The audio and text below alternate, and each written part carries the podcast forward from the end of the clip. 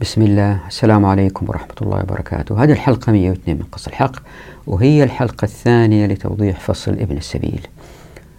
إجابة على سؤال سريع أنه آه، قفزنا فصل المكوس. هل سيشرح بالفيديوهات أو لا؟ نعم سأشرحها إن شاء الله بإذن الله. بتوفيق الله بعد ما ننتهي من فصل الفصل الوصل عندها لأنكم رأيتوا إن شاء الله الحلول اللي يمكن تقدمها الشريعة كما نزلت. آه، من غير اجتهادات وتأويلات وتغيير عندما تروا ذلك وتروا كيف يمكن أن تكون الأمة عزيزة ومزدهرة تكون المقارنة إن شاء الله بإذن الله أفضل في أنكم تنتبهوا لما وقع فيه الفقهاء المتأخرين اللي اجتهدوا وغيروا بعض الأحكام في الشريعة مع ما ذهب إليه بعض الفقهاء الأوائل الذين أخذوا بالديوان. يعني تروا بوضوح الخلل الذي وقع في الأمة لأنه نكون فاهمين إيش اللي يمكن تسويه الشريعة. في الحلقة 99 جاء سؤال حلو من مشاهد بيقول يا جميل كتاب قص الحق 1600 صفحة وفيديوهاتك عشرات الساعات وأنت ما تملك القوة التنفيذية. يعني أنت ما أنت حاسس إنك بتضيع وقتك. ولأنه سؤال يمكن يهم كثير من المشاهدين عن جدوى المتابعة لهذه الحلقات وضعت الإجابة هنا في الشاشة يا ريتكم تقرؤوها. في الحلقة الماضية تحدثنا عن فكرتين في النظر للتاريخ وكيف أنه تقسم إلى دولات مسلوبة الإرادة. فجاء سؤال يقول يعني التاريخ ما هو مهم؟ وإذا تذكروا أنا جاوبت على هذه المسألة في الحلقة الماضية لكن خليني أكد عليها هذه المرة لأهميتها. في اتفاق بين الباحثين أنه في خلل في العالم الإسلامي. في خلل إذا نحتاج حل. فإذا نظرت في مواقع التواصل الاجتماعي مثلا يوتيوب والفيديوهات عن هذه المسألة تلحظوا أن معظم هذه الدراسات ما تضع الحقوق كمسألة أساسية للخروج من الذل والوهن للعالم الإسلامي. والقلة اللي بيدرسوا الحقوق وبيشيروا إلى أن الحقوق مهمة للخروج من الوهن والضعف ما أعطونا فكرة واضحة كيف يمكن نطبق الشريعة في الحقوق عشان نخرج من هذا الضعف. فمعظم الدراسات تدور في أفلاك خارج الحقوق. وكنت في قص الحق تسعة أعطيت ملخص سريع وبينت هو في أي صفحة في كتاب قص الحق عن النظريات اللي تدور حول فكرة تخلف المسلمين من أركون والجابري وغيره. واللي شاهد مواقع التواصل الاجتماعي راح يلاحظ أنه النقد والدراسات والأفكار والأبحاث التي تريد إخراج المسلمين من التخلف تدور حول عدة محاور. المحور الأول هو المكر السياسي. يعني شوفوا يا عالم كيف أنه الغرب بيمكر بالمسلمين روسيا وأمريكا وأوروبا يتحدوا على المسلمين. وهذا كيسنجر قال وهذا الرئيس الأمريكي قال. وصار في مؤتمر هنا وصار في مؤتمر هنا للكيد بالمسلمين وكلها إثباتات ورا إثباتات. يعني إيش المتوقع يعني؟ هل رايحين يعاملونا بالحسنى يعني إذا كان عارفين إنه الأمة هذه إذا نهضت ستحكم العالم؟ يعني هل مؤملين أنه بهذه التحاليل وهذا الفهم نوجد شرخ بين روسيا وأمريكا مثلا وندخل من هذا الشرخ ونخلي دولة تميل لنا على حساب دولة أخرى؟ أو هل نتوقع أنه بهذه التحاليل نقدر نخلي الغرب يتعاطف معنا ونعرف كيف نتعامل معه إذا عرفنا مواقع الخلل عنده؟ السؤال هنا يعني ما هو متوقع من عالم غير إسلامي يخاف من العالم الإسلامي إنه إذا كان تمكن وتوحد ما الذي سيحدث لهم؟ هم خايفين. لذلك وضع طبيعي جدا أنهم يمكروا. فبدال الدخول في هذه التفاصيل المستنفذة في هذا المكر. إذا نبذل جزء من أوقاتنا في فهم الحقوق يمكن نكون في وضع أقرب لرفع الذل عن الأمة. قلت المحور الأول هو المكر السياسي المحور الثاني هو المكر الديني. دراسات وأبحاث كيف أن الفاتيكان بيجتمعوا وبيخططوا ضد المسلمين لنشر المسيحية وكيف أنهم سلطوا جورج بوش على العالم الإسلامي. فكانت عملية ضرب البرجين في 9-11 وكيف الرئيس بوش بعد كده أعلن حرب على العالم الإسلامي والآن ماكرون ما هو مقصر. طبعا ما وقفوا ولا راح يوقفوا لأنه إحنا ضعاف. المحور الثالث هو التشكيك في الدين الإسلامي لإيجاد جيل لن يهدد الغرب بالرجوع للإسلام. فانتشرت الأفكار هذه اللي تشكك في صحيح البخاري مثلا والأفكار اللي تشكك في العقيدة. ومحاولة نشر المخدرات ونشر الشذوذ الجنسي اللي يسموه مثلية والمحور الرابع اللي يمكن نسميه فرق تسد. بيوجد القلاقل بين الجيران وبيحاربوا بعض وما يهدأ العالم الإسلامي إلا ويفتحوا له جبهة كانت أفغانستان وبعدين كانت بوزنيا وبعدين كانت العراق وكمان سوريا بعد كذا. وطبعا هذه ما هي كل المحاور في محاور كثيرة لكنها كلها بعيدة عن إيقاظ الأمة والتي لن تستيقظ إلا إذا كان عرفت حقوقها. وبالنسبة للباحثين اللي يحاولوا ينهضوا بالأمة أكثر أفكارهم نسخ لصق. أفكار بيجيبوها من العالم الغربي اللي هو رأسمالي وبيحاولوا إعادة إنتاجها في العالم الإسلامي. وبكده يبقى العالم الإسلامي في قلاقل القتل مستمر والسرقات مستمرة. فتن وقلاقل وسرقات سرقات سرقات. فمثلا في دراسة أنه بحسبة بسيطة من عام 69 في ليبيا حتى قيام الثورة 2011 كان دخل ليبيا أكثر من 3 تريليون دولار والتريليون ألف مليار يعني ألف بليون. مع أن سكان ليبيا الآن حوالي ستة ونصف مليون يعني ذلك الوقت كانوا حوالي مليونين ثلاثة. والإستثمارات اللي فيها ما توصل نصف تريليون يعني فين ذهبت هذه الأموال؟ وهذا بلد واحد وكل العالم العربي هكذا دون استثناء. السرقات شغالة ومستمرة. هذا أيضا محور من الأبحاث اللي بيحاولوا يقنعونا أنه إحنا في وضع مستهدف. طبعا هذه مسائل واضحة وظاهرة مثلا ولاية آسام في ست ساعات قتل فيها خمسة آلاف مسلم عام 1983 معظمهم نساء وأطفال. وقريبا سبعة مليون مسلم هندي منعوا من الجنسية الهندية. وبذلك فقدوا حقوقهم. فاللي بحاول أقوله أنه دراسة التاريخ ما بقول ليست مهمة. لكن استفضنا فيها وتركنا البحث عن البدائل كيف يمكن الأمة تنهض. وعندما بحثنا كيف الأمة تنهض كان البحث من الخارج من نظريات العالم الغربي في التمكين. لم ننظر إلى الإسلام كيف يمكن من خلاله ننهض. وهذا اللي بحاول يسويه قص الحق أنه لابد للمسلمين أن ينهضوا لأنه الفساد القادم للكرة الأرضية للمسلمين وغير المسلمين لا يمكن أن تخرج منه البشرية إلا من خلال تطبيق الشريعة في الحقوق. وهذه مسألة محيرة يعني مسألة البحث عن مخرج للأمة حتى تنهض. لا علماء الشريعة غطوها تغطية كما يجب لأنه ما عندهم الأدوات ما هم متخصصين في الاقتصاد والتنمية نعذرهم. في نفس الوقت الباحثين انبهروا بالعالم الغربي وذهبوا للعالم الغربي وأفكاره وتركوا الموجود عندنا في الشريعة. والآن إلى الملخص.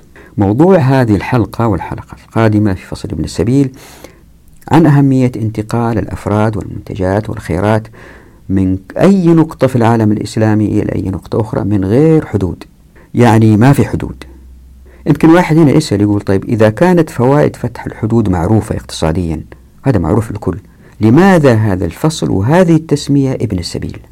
الإجابات كثيرة من أهمها شوفوا هذول اللي واقفين في الطوابير وشايلين ملفات علاقية خضراء في الخليج العربي وفي دول أخرى مو ضروري ملفات يمكن حاملين أشياء أخرى بطريقة أخرى في أكياس أوراقهم بيستنوا طوابير حتى يحصلوا على فرصة عمل.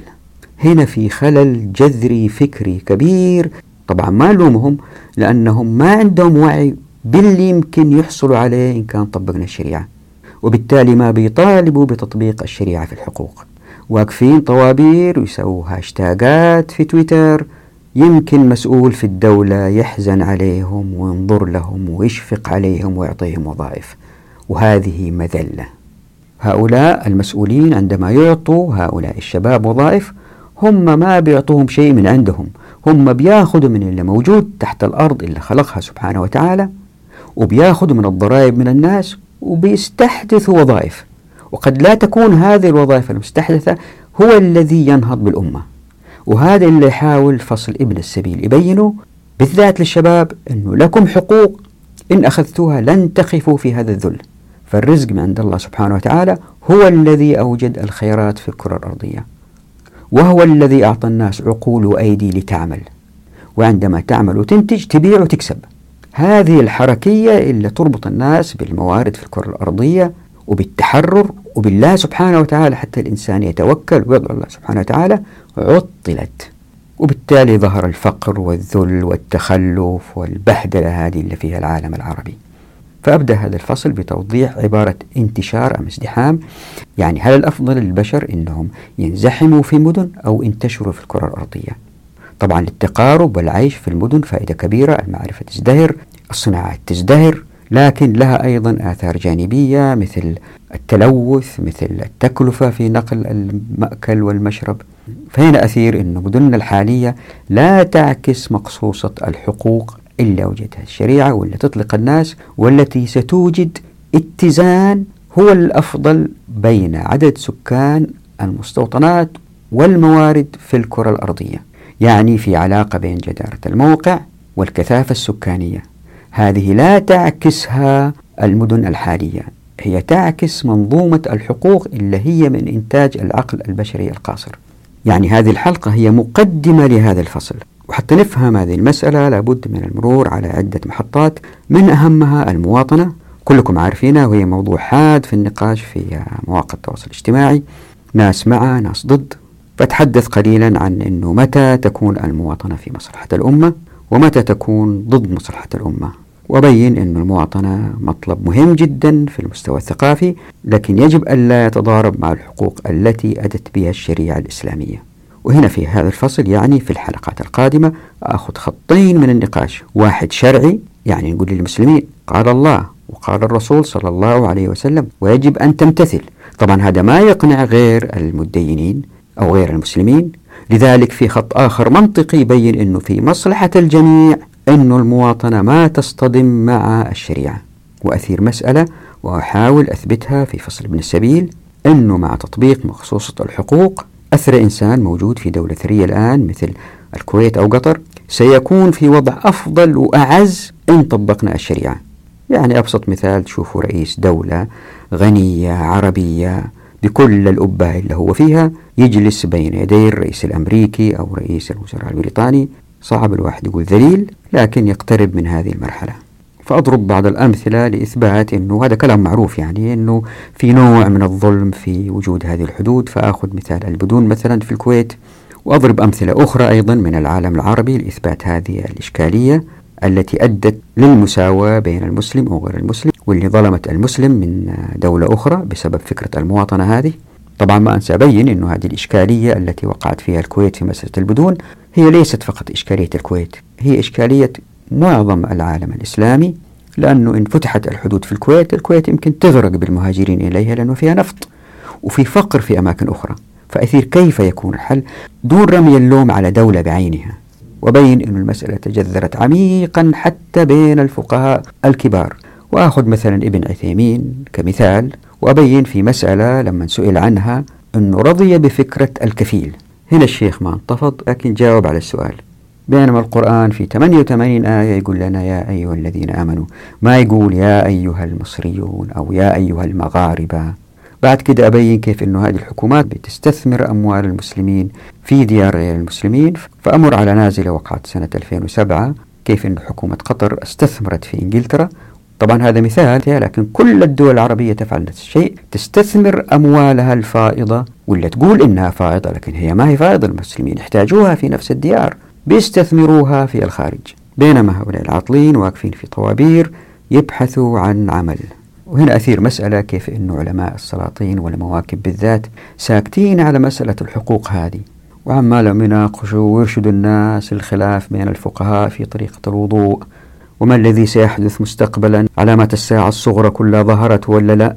ومتى سيظهر المهدي؟ وبين أنه يا جماعة الخير أنا ما أقول هذه المسائل ليست مهمة. كل هذه المسائل مهمة جدا ودراسة التاريخ مهم جدا لكن لا يكون على حساب إغفال البحث عن حلول لخروج الأمة من هذا الذل. بعد كده أبين أنه في السابق تحدثنا عن طرق التمكين اللي هي الموارد والموافقات المعرفة ومن الآن وصاعد راح نتحدث عن مراحل التمكين واللي هي البدء والبلورة والاستمرارية والصقل وحتى نوضح مسألة البدء هذه في كسب الرزق. لابد من إثبات عدة حيثيات منها أن موارد الكرة الأرضية لا تنضب منها مناقشة كيف تظهر المجاعات هل هي بسبب ندرة الموارد أو هي بسبب سياسي احتكاري. وهنا في مسألة لابد أنه نلتفت لها. الآن إحنا في مفصل في الكتاب. كل اللي راح كان محاولة لهدم فكرة مفهوم الدولة بالمنظور الغربي واللي جاء عندنا بطريقة ممسوخة. يعني ما أخذناها من عندهم كما هي ولا طورناها بل طبقناها بطريقة أسوأ. وأنه من الآن وصاعد نبدأ مرحلة جديدة في كتاب قص الحق ألا وهي بناء مفهوم الأمة وكيف يمكن السلطة تشتغل فيها وكيف يكون مفهوم الدولة فيها. يعني الكتاب مرحلتين. المرحلة الفائتة بينت أن الدولة ما لها موارد وهذه بيناها في فصل الأموال ودولة الناس والديوان وما عند الدولة الحق في إيقاف الناس من البدء في أعمال زي ما تحدثنا في فصل القذف بالحق. وين الموارد للناس إذا استخرجوها زي ما بينا في فصل الخيرات وتحدثنا أيضا عن ملكية الدولة للأراضي في فصل الأراضي. كل هذا تهيئة حتى نبدأ الآن في بناء مفهوم الأمة المسلمة. كيف يمكن تكون إن طبقنا الشريعة كما نزلت على الرسول صلى الله عليه وسلم؟ من غير اجتهاد من غير زيادة من غير نقص. إذا أثبتنا أن اشتغلوا هي الأفضل ما نحتاج لا للمقاصد ولا السياسة الشرعية ولا غيره ولا غيره.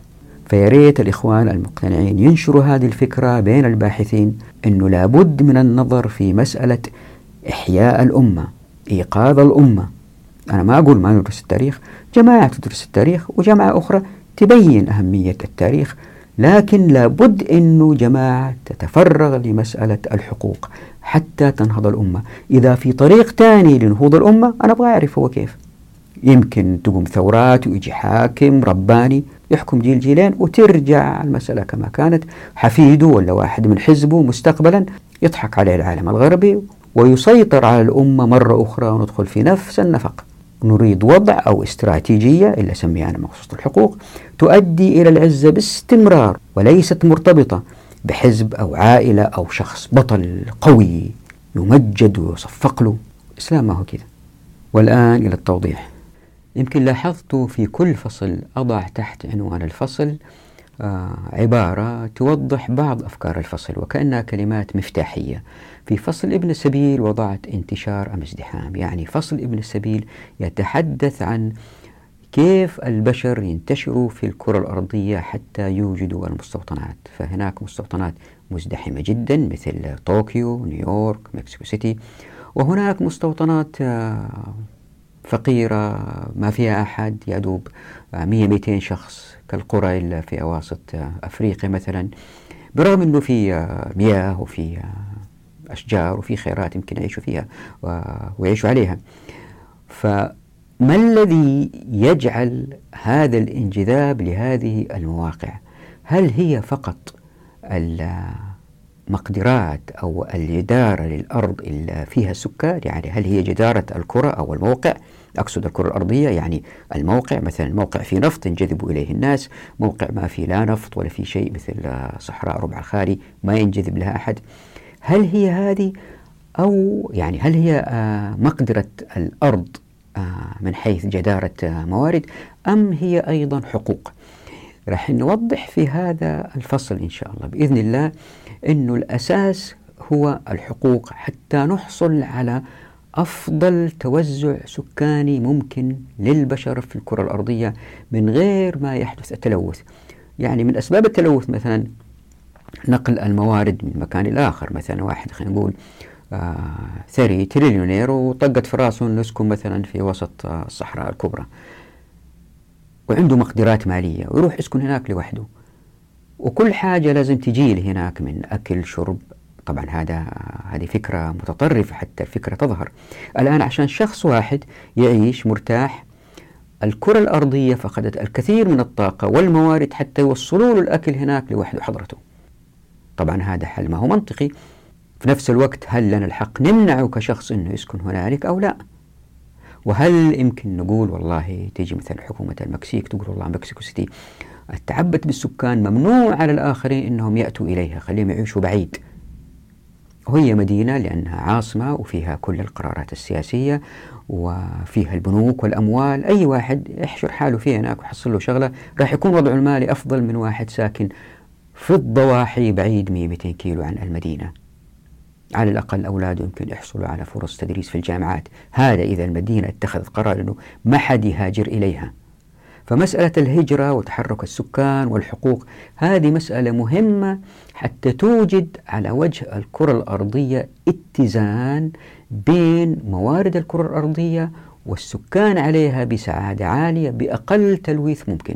وهذا الاتزان يستحيل أنه يوجد بشر مهما أوتي من علم من خلال تخطيط اقتصادي أو تنموي أو عمراني.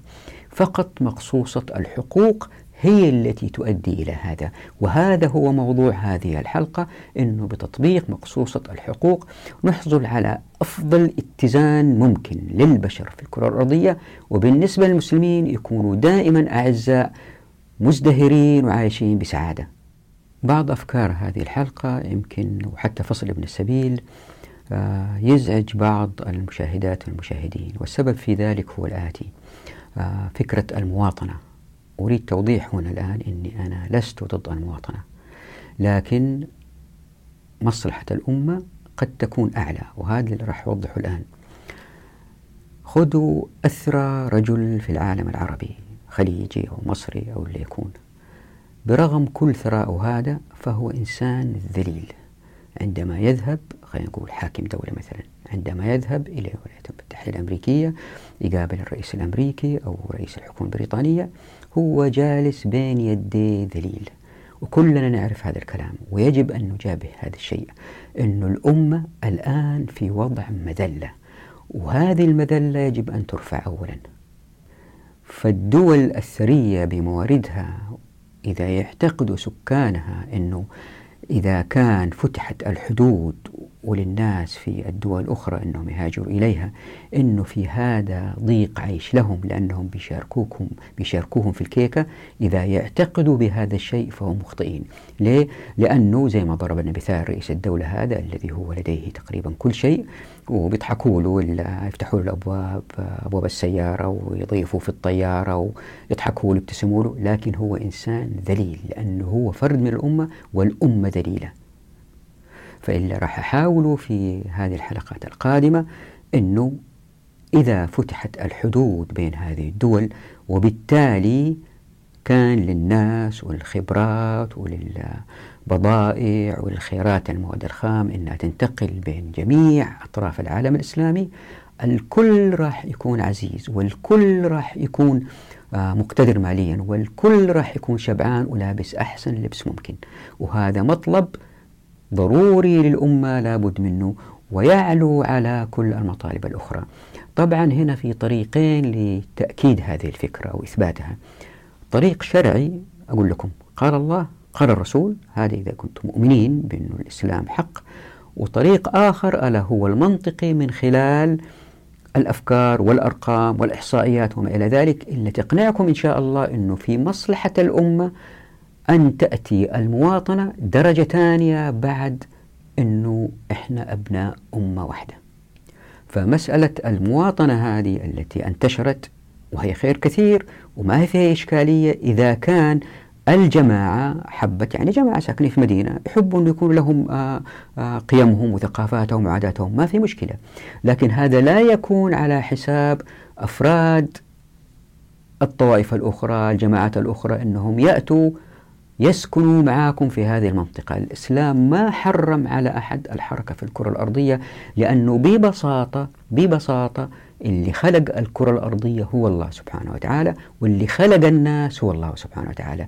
وما في في الشريعة شيء يمنع المسلمين من الحركة في ديار المسلمين إلا بإذن سلطة. هذا لا يوجد أبدا. وأتحدى أي واحد يثبت لي من الأثر أنه هناك ما يثبت أن الرسول صلى الله عليه وسلم أو الخلفاء الراشدين منعوا المسلمين من التحرك في ديار المسلمين. مسألة أخرى يمكن يجي عالم شريعة أو كذا يقول تغيرت الأمور وإحنا في وضع حداثي هناك ضرورات تتطلب هذه الحدود بين الدول. هذا اللي راح أثبته من حيث منطق وليس, وليس من حيث شريعة بس أنه في مصلحة الأمة ألا توجد هذه الحدود. اللي صار أنه هذه الحدود أوجدت فكرة المواطنة. هي فكرة جيدة واحد لازم يحب وطنه. أنا مثلا اتولدت في الطائف طفولتي في الطائف. أحب الطائف شيء طبيعي. لكن هذا لا يعطيني الحق أني أمنع الآخرين أنهم يأتوا إلى الطائف ويعيشوا فيها. فاللي صار أنه فكرة المواطنة هذه دعمتها الحكومات المعاصرة حتى تظهر الحدود الفاصلة هذه وتتأكد مثلا. شفت الإشكالية دي اللي صارت قبل فترة بين منتخب الجزائر ومنتخب مصر والشعبين تحمسوا آه، ما عدا العقلاء. العقلاء لا لا لا لا هذا ما هو ما هو في الإسلام في شيء. ولأنه هذه الحدود واضحة وبارزة اللي بيصير أنه بتتعمق الثقافة أكثر وأكثر وتتمايز. نريد ثقافات لكن لا يكون هذا على حساب الآخرين. مثلا البحرين والقطر يعرفوا بعض مباشرة رغم أنهم جنب بعض يعني دولتين جنب بعض. مع ذلك الثقافة بدأت تتحدد هنا وتظهر من خلال الفارق في الثراء مثلا.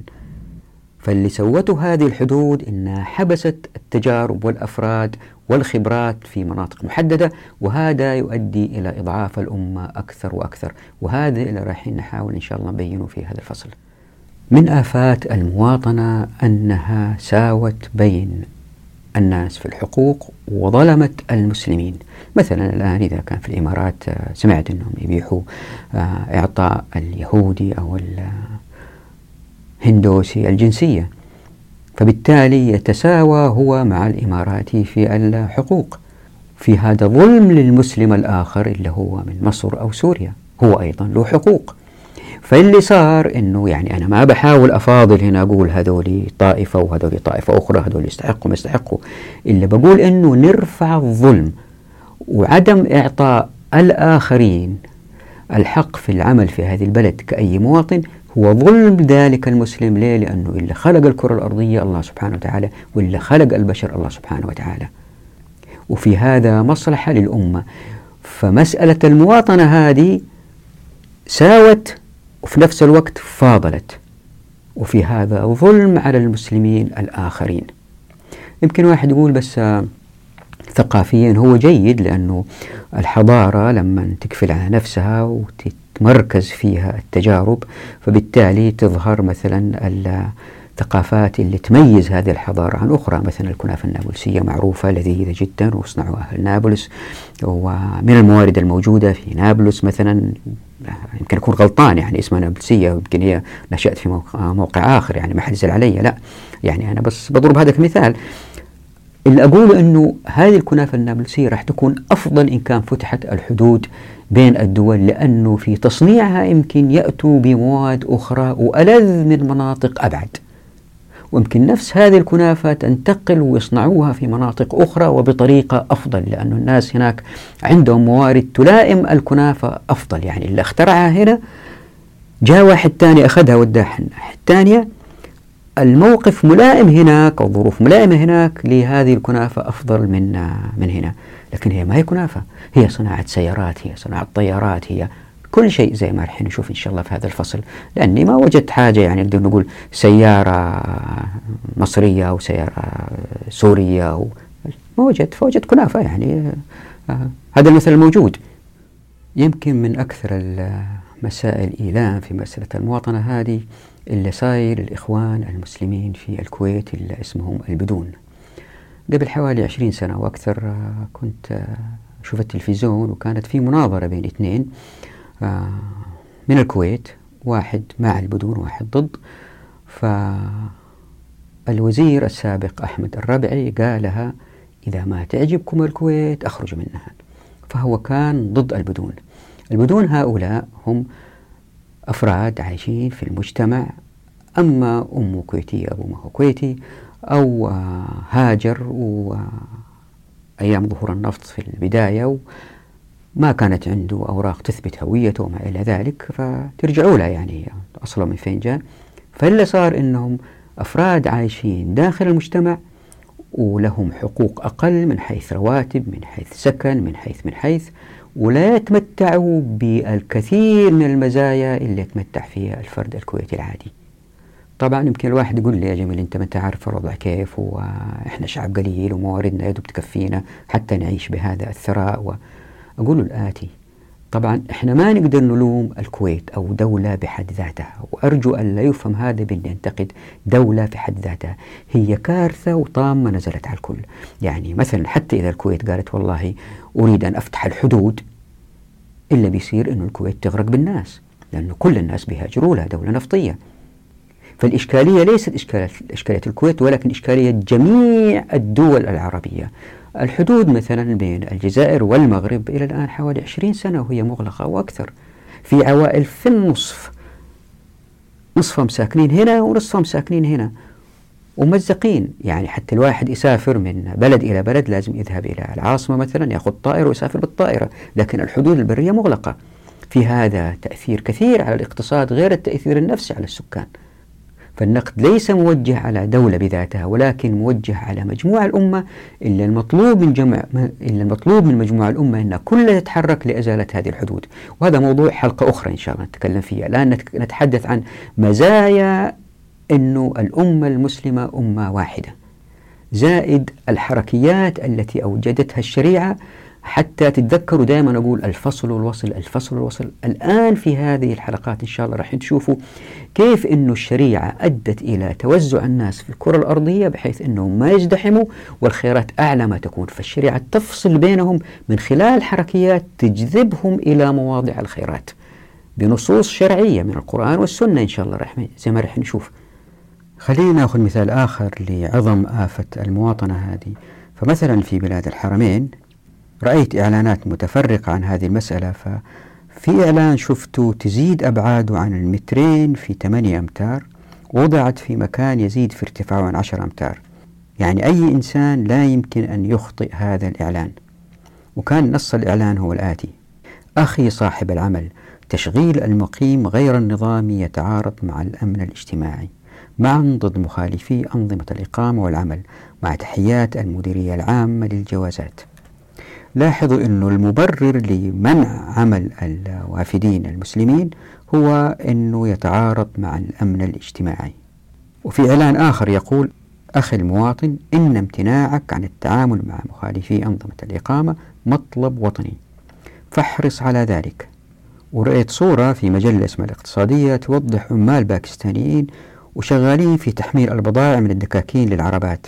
في صحفي قام بتصويره ومعلق عليها قال ما زالت العمالة السائبة تجد لها مكانا ومجالا للعمل في أسواقنا دون أي رقابة تمنع هذه الظاهرة.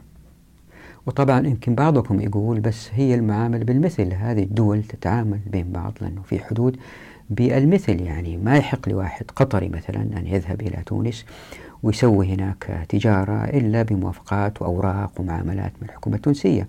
وأنا لا أريد الدخول في أنه هذه أستغلت من بعض المسؤولين. مثلا في بعض الدول شخص متنفذ يحصل على ألف تأشيرة عشر ألاف تأشيرة ويأخذ من كل عامل من اللي معهم تأشيرات مبلغ محدد وهو آه، من غير ما يشتغل بيجي له مبلغ كبير. وهذا نوع من الاستعباد الداخلي. أنا لا أريد الدخول في هذه التفاصيل لأنه الفكرة الأكبر اللي بحاول أوضحها أنه نعم في حدود بين الدول وفي متطلبات بين الدول وما نقدر نقول لدولة لا أنت تنازلي وافتحي الحدود وأنتم دول أخرى. لا تمسكوا هي مسألة. موضوع آخر زي ما قلت يبغى لها تفكير كيف نوجد مخرج لها لأنه في هذا اللي إحنا فيه مأزق للأمة كبير من حيث أنه سحبها إلى التخلف. فأنا الآن بأعرض للمشكلة وليس للحل. والمشكلة تفاقمت لدرجة أنه حتى علماء الشريعة الكبار بعضهم تورط فيها. فمثلا سأل أحد طلاب العلم الشيخ ابن عثيمين عن الكفيل اللي يحضر عامل أو موظف من بلاد أخرى ووعده أن يعطيه مثلا ألف ريال في الشهر. ثم عندما قدم العامل نكث الكفيل وأعطاه مبلغا أقل. مهددا إياه أنه إذا لم يقبل فسيلغي العقد. فهل هذا جائز شرعا؟ وهل للناس إبلاغ السلطات بهذا التعسف إن ادعى الكفيل أن العامل لا يقوم بعمله كما يجب علما بأن العامل كان قد تحمل مبالغ كبيرة حتى يتمكن من القدوم إلى بلاد الحرمين. لذلك تلحظ أن العامل في مثل هذه الحالات مضطر للقبول بما يدفعه له الكفيل وإلا خسر الكثير.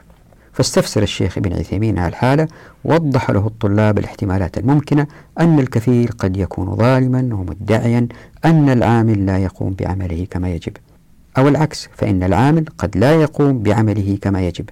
فكان السؤال هل يتم إبلاغ السلطات لرفع هذا الظلم عن العامل؟ قال الشيخ ابن عثيمين مجيبا. هذه مشكلة. هذا بارك الله فيك إذا علمنا أن الكفيل صادق وأن هذا العامل لم يقم باللازم فإنه يجب أن ندل عليه لأنه أصبح العامل هو الظالم.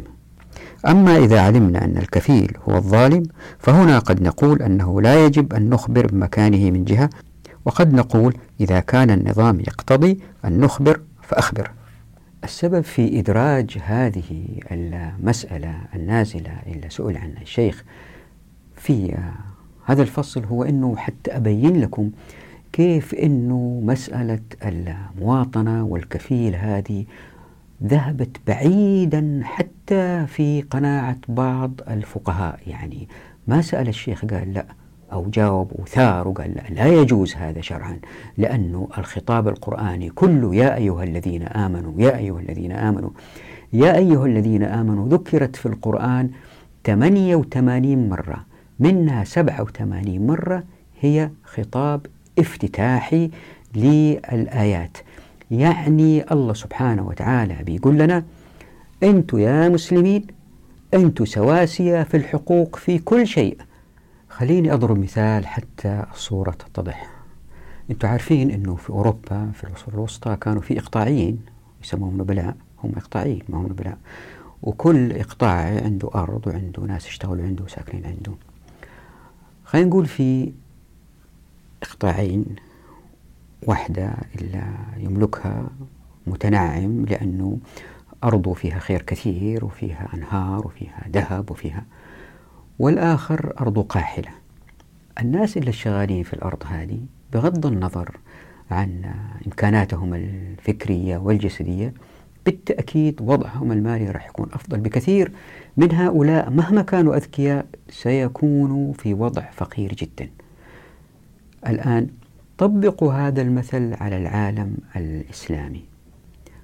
الدول هي الإقطاعات والنبيل أو المالك الإقطاع هو رئيس الدولة أو الملك واللي شغالين معاه اللي هم كل وزير في وزارته وكأنه عنده إقطاع.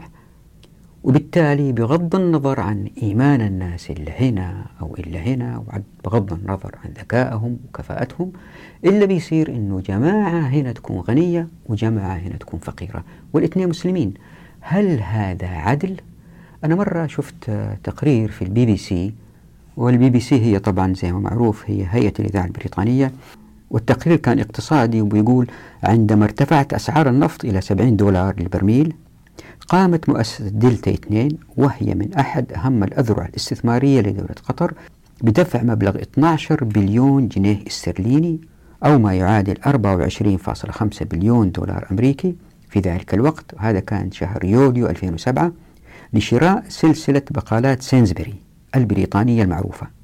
يعني أموال جمعت من خيرات استخرجت من أراضي المسلمين استثمرت في مواقع غير إسلامية.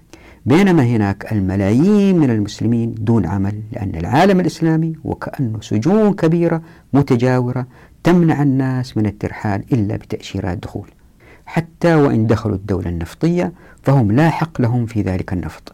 ناهيك عن السكان المحليين الذين لا يحق لهم ذلك أيضا. طبعا هذا ما ينطبق على الغاز في قطر ولا ينطبق على النفط في الكويت ولا ينطبق على الفوسفات في الأردن ولا على الزئبق في الجزائر. هذا ينطبق على جميع المعادن في جميع الدول.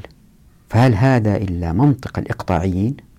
والعجيب أن هذه القضايا التي تمس عز الأمة لا تناقش من معظم الفقهاء في الدول الثرية. هناك من الدول الثرية مثل الشيخ الحارثي فك الله أسره من يناقش هذه القضايا. هناك علماء عندهم وعي عالي لا يستطيع الحديث. وهناك علماء ربانيين من الدول الأقل الحظ يثيروا هذه القضايا. لكن الإشكالية أنه في علماء المواكب والسلاطين اللي ما يثيروا هذه القضايا. ويثيروا قضايا تضيع الأمة. أنا ما بقول أرجو أن يسأل فهمنا. أنا ما بقول أنه إذا صلينا في التشهد نسوي كذا أو كذا. هذا موضوع ما هو مهم. ما بقول هذا. ولا بقول أن المسح الرقبة موضوع مهم أو ما هو مهم في الوضوء ولا بقول أنه الحديث أو النقاش عن يأجوج ومأجوج هم مين هم الصينيين ولا آخرين ولا متى سيظهروا ولا بقول أنه المهدي سيظهر أو ما سيظهر ومتى سيظهر هذا موضوع ليس مهم أنا ما بقول أنه ما مهم. ولا بقول أنه السحر والشعوذة وجن دخل في إنسان أو لا هذا موضوع مهم أو ما هو مهم. كل هذه القضايا مهمة جدا لكن لا ترتقي في أهميتها. إلى أن الأمة تستعد وتأخذ بالأسباب والأفكار التي تؤدي إلى إيجاد أمة عزيزة حتى لا يأتي أمريكي يغتصب وحدة عراقية ولا يأتوا الأوروبيين يغتصبوا المسلمات في البوسنة ولا يبقوا السوريين في المخيمات من غير سقف فوق رؤوسهم. لابد من مناقشة هذه القضايا حتى تعود الأمة لعزتها. طيب إيش علاقة آه، الحدود والمواطنة وهذه المسائل بالتمكين؟ في الحلقات السابقة إلى الآن أنا كنت بأحاول أهدم فكرة الدولة كنظام حياة أمثل للبشرية وذلك من خلال الحديث عن القذف بالغيب من خلال أن الموارد لا تذهب لبيت المال وما إلى ذلك. من الآن وصاعد أحاول أبني مفهوم الأمة الإسلامية كيف يمكن يكون إن طبقنا الشريعة زي ما نزلت على الرسول صلى الله عليه وسلم. تحدثنا في الماضي وقلنا أنه في ثلاثة أشياء مهمة للتمكين هي الموارد والموافقات والمعرفة. في هذا الفصل أيضا نتحدث لازلنا عن الموارد ونستمر في هذه المسألة حتى نبين كيف أنه الشريعة تحث الناس على الوصول للموارد الخيرات يعني معادن مزارع أراضي يزرعوا. تسهل لهم ذلك وتوجد السبيل اللي لما يأخذوا حقوقهم ما يتصادموا بين بعض أو ما يتصادموا مع بعض. وبالإضافة إلى طرق التمكين الثلاثة اللي هي الموارد والمرافقة والمعرفة هنالك ثلاثة مراحل للتمكين. المرحلة الأولى هي البدء. فأي مشروع لابد له من بداية مثل إحياء أرض أو استخراج معدن أو أخذ مكان في السوق. وهذه سميناها في الفصل السابق لكن أعطيكم فكرة سريعة عنها الآن هي الأصول المنتجة. فالأصول المنتجة زي ما معروف للمتخصصين في علم الاقتصاد تعني كل ما من شأنه تمكين من ملك هذه الأصول من الاستمرار في حياة أسعد. مثل المعادن في باطن الأرض وظاهرها مثل الأراضي الموات مثل الأراضي التي ليس لها مالك. ومثل المصانع ومثل شواطئ الأنهار والبحار التي يمكن استثمارها. وفي هذا الفصل راح أوضح أيضا الحركيات التي تعين الناس على البدء ومن ثم الانطلاق. وهنا ملحوظة أنه ننتبه لها هو أنه هذه الأفكار تختلف عن اللي أطلقوه الغرب وبالذات الفرنسيين من شعار دعه يعمل دعه يمر والمرحلة الثانية من التمكين هي البلورة. وهي مرحلة تتشكل فيها الخبرة وتتراكم فيها المعرفة ويظهر فيها المنتج. وهذا موضوع الفصول القادمة عندما نتحدث عن حقوق الشراكة ومبادئ الفصل والوصل بين الأفراد كبيع الحاضر لباد مواقع الناس في الخطط كما في فصل الأماكن. أما المرحلة الثالثة فهي مرحلة الاستمرارية والصقل المعرفي. وفيها يحتاج الإنسان المبادر سواء كان صانعا أو مزارعا أو ساكنا لنوع من الحماية في المجتمع. وهذه رح نتحدث عنها في فصول البركة والمعرفة والمدينة إن شاء الله بإذن الله. تخيلوا أنه في باص والناس بيركبوا فيه وأتعبوا وصاروا الناس يركبوا وانحشروا في الباص وصار الباص مزحوم لدرجة أنه أقل مطب يمكن الناس يطيحوا منه. وهذا الباص وهو ماشي بدل ما يشيل ناس صار يرمي ناس من كتر الزحام اللي جوا الباص. هل يمكن الكرة الأرضية يزيد فيها السكان وتصل إلى المرحلة الناس يتحاشروا ويطيحوا في البحر. تخيلوا هذا الموضوع بسذاجته وأتي على إحصائية إن شاء الله. دفع العالم الغربي من خلال نظرية اسمها نظرية ماثس ويأتي توضيح إن شاء الله نأخذ فيها يمكن حلقة حلقتين. دفع التفكير الرأسمالي إلى أنه لابد من السيطرة على الموارد في الكرة الأرضية حتى لا تنتهي فظهرت الأنظمة والقوانين. ولا منها العالم الإسلامي أيضا أخذ بعض هذه الأنظمة والقوانين لأنه خايفين أن موارد الكرة الأرضية ستنطب. سبحان الله. هو الله الخالق الخلاق البارئ المصور المعطي الواهب الوهاب الرازق الرزاق الكريم الجواد الغني المغني المحسن. فين تروح هذه الأسماء؟ لابد أنهم فاهمين خطأ. لإثبات هذه المسألة أنهم فاهمين خطأ عندنا طريقين. طريق شرعي زي ما قلت في البداية قال الله قال الرسول وطريق منطقي لدحض أفكارهم اللي هي من خلال الحسابات يعني بمنطقهم هذا أنه موارد الكرة الأرضية ستنضب. هذا يعني أنه الآن شايفين أنه الموارد قد كذا وإحنا نحتاج قد كذا إذا لازم نصدر أنظمة وقوانين للسيطرة عليها عشان تعيش فترة أطول. هذا إن فكرنا في الأجيال القادمة. وإن ثبت بعدين أنه بالاستهلاك مع زيادة عدد سكان الكرة الأرضية أنه الموارد بدأت تقل عليهم بدل ما نصيب الفرد يكون قد كده صار نصيب الفرد قد كده. إذا يجب أن نضع أنظمة وقوانين جديدة غير اللي إحنا ماشيين عليها مستقبلا تأتي جماعات أخرى. الأجيال القادمة تضع أنظمة آه تختلف عن أنظمتنا الحالية حتى الموارد آه تكون كافية. وذاك الجيل يحكم بمنظومة حقوقية تختلف عننا الآن ثم يأتي جيل بعده أو بعد أربع خمسة أجيال ماني عارف حسب النمو السكاني وتظهر منظومات أخرى أكثر تقييد من اللي قبلهم. يعني وإحنا ماشيين البشرية تفضل تضغط تضغط تضغط. هذا المنطق يختلف تماما. طبعا هو ما يقولوا كذا لكن هو ماشي في هذا الخط. هذا المنطق يختلف تماما عن أن الشريعة ثابتة في هذه المسألة حقوقيا ولا تتغير لأن المصدر يقول أنه موارد الكرة الأرضية أكثر بكثير مما يكفي البشر وزيادة لأن الله سبحانه وتعالى المعطي الواهب الهاب الرازق الرزاق الكريم الجواد الغني المغني المحسن. وحتى نثبت هذا الكلام يجب أن ننظر إلى المجاعات التي ظهرت في العالم. هل هذه المجاعات ظهرت بسبب الجوع لأنه موارد منطقة معينة ما كفتهم أو في أسباب أخرى سياسية احتكارية؟